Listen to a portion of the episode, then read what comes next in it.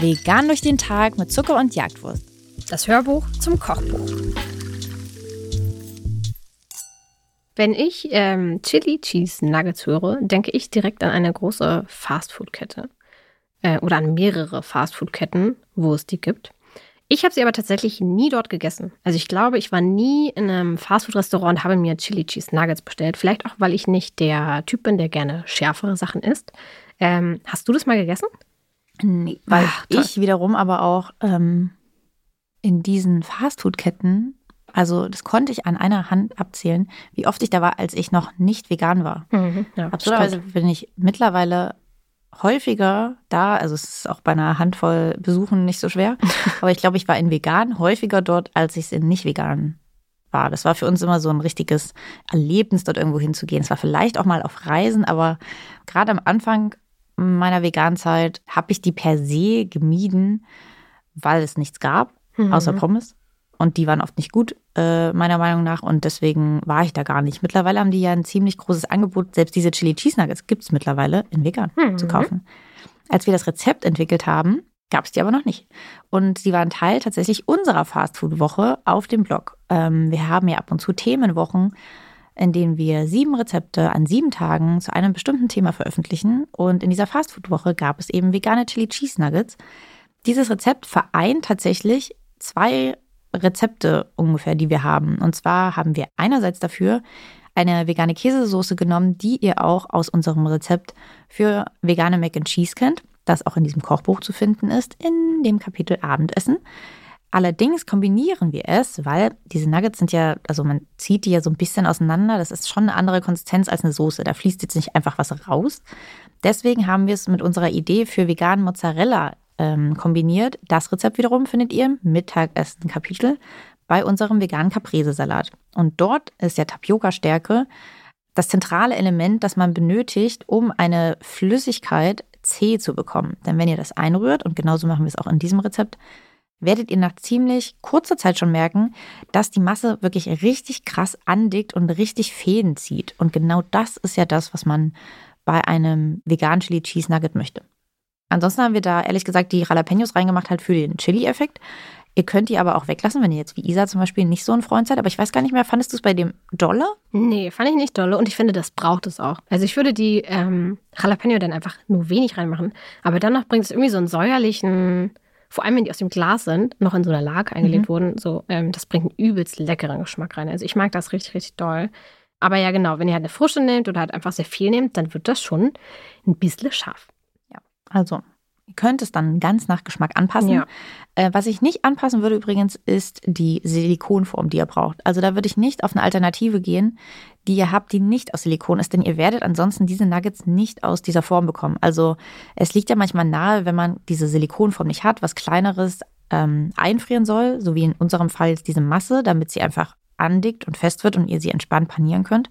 Nehmt da jetzt nicht sowas wie so einen Eiswürfelbehälter der irgendwo drin liegt. Ihr werdet diese Masse wirklich gar nicht oder mit ziemlich viel Problemen da wieder rausbekommen müssen.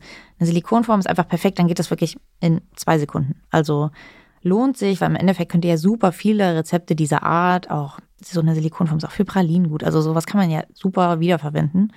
Könnt ihr das ja auch verwenden. Äh, ihr müsst natürlich auch nicht diese Form nehmen. Ne? Also wenn ihr jetzt irgendwie keine Ahnung, äh, eine andere Form habt. Wenn ihr, Dreieckige Chili Cheese Ja, dann habt ihr eben solche. Also das ist ja, ihr müsst jetzt nicht extra eine andere Form dafür kaufen.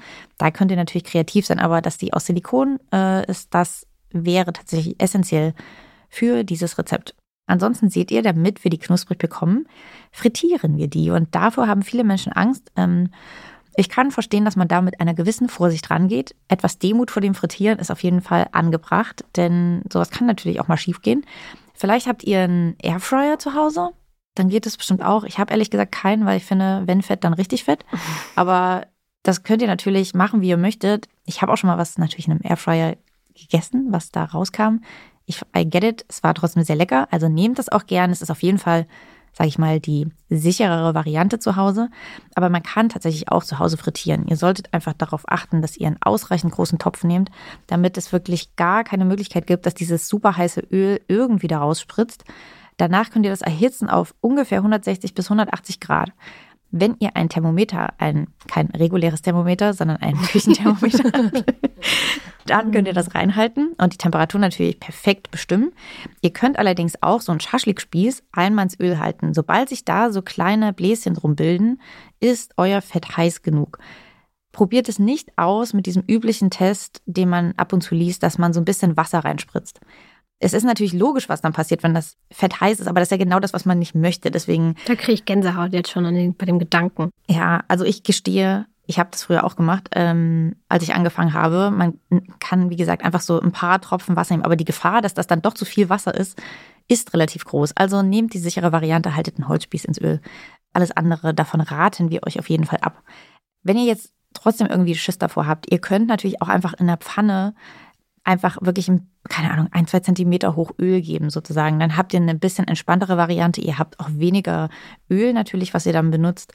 Äh, aber ja, also ich, ehrlich gesagt, ich finde es immer, sobald ich frittiere, ich, ich liebe halt frittieren. Ähm, ich finde das Rezept auf jeden Fall ähm, herrlich, weil im Endeffekt ihr macht eine, die Füllung, ihr friert die dann ein und dann könnt ihr die ja eigentlich, wann immer ihr wollt, aus diesem Tiefkühlfach holen und dann frittieren. Das heißt, Ihr könnt einmal, wenn ihr vielleicht irgendwie an einem Nachmittag mal Zeit habt, ein bisschen was vorbereiten. Und sobald dann irgendwann der Filmabend ansteht, eine neue Serie rauskommt, es irgendwie ein Event gibt, wo ihr denkt, geil, jetzt ein paar Chili Cheese Nuggets, dann werft ihr die kurz in die Pfanne oder in den Topf ähm, und seid relativ fix damit durch.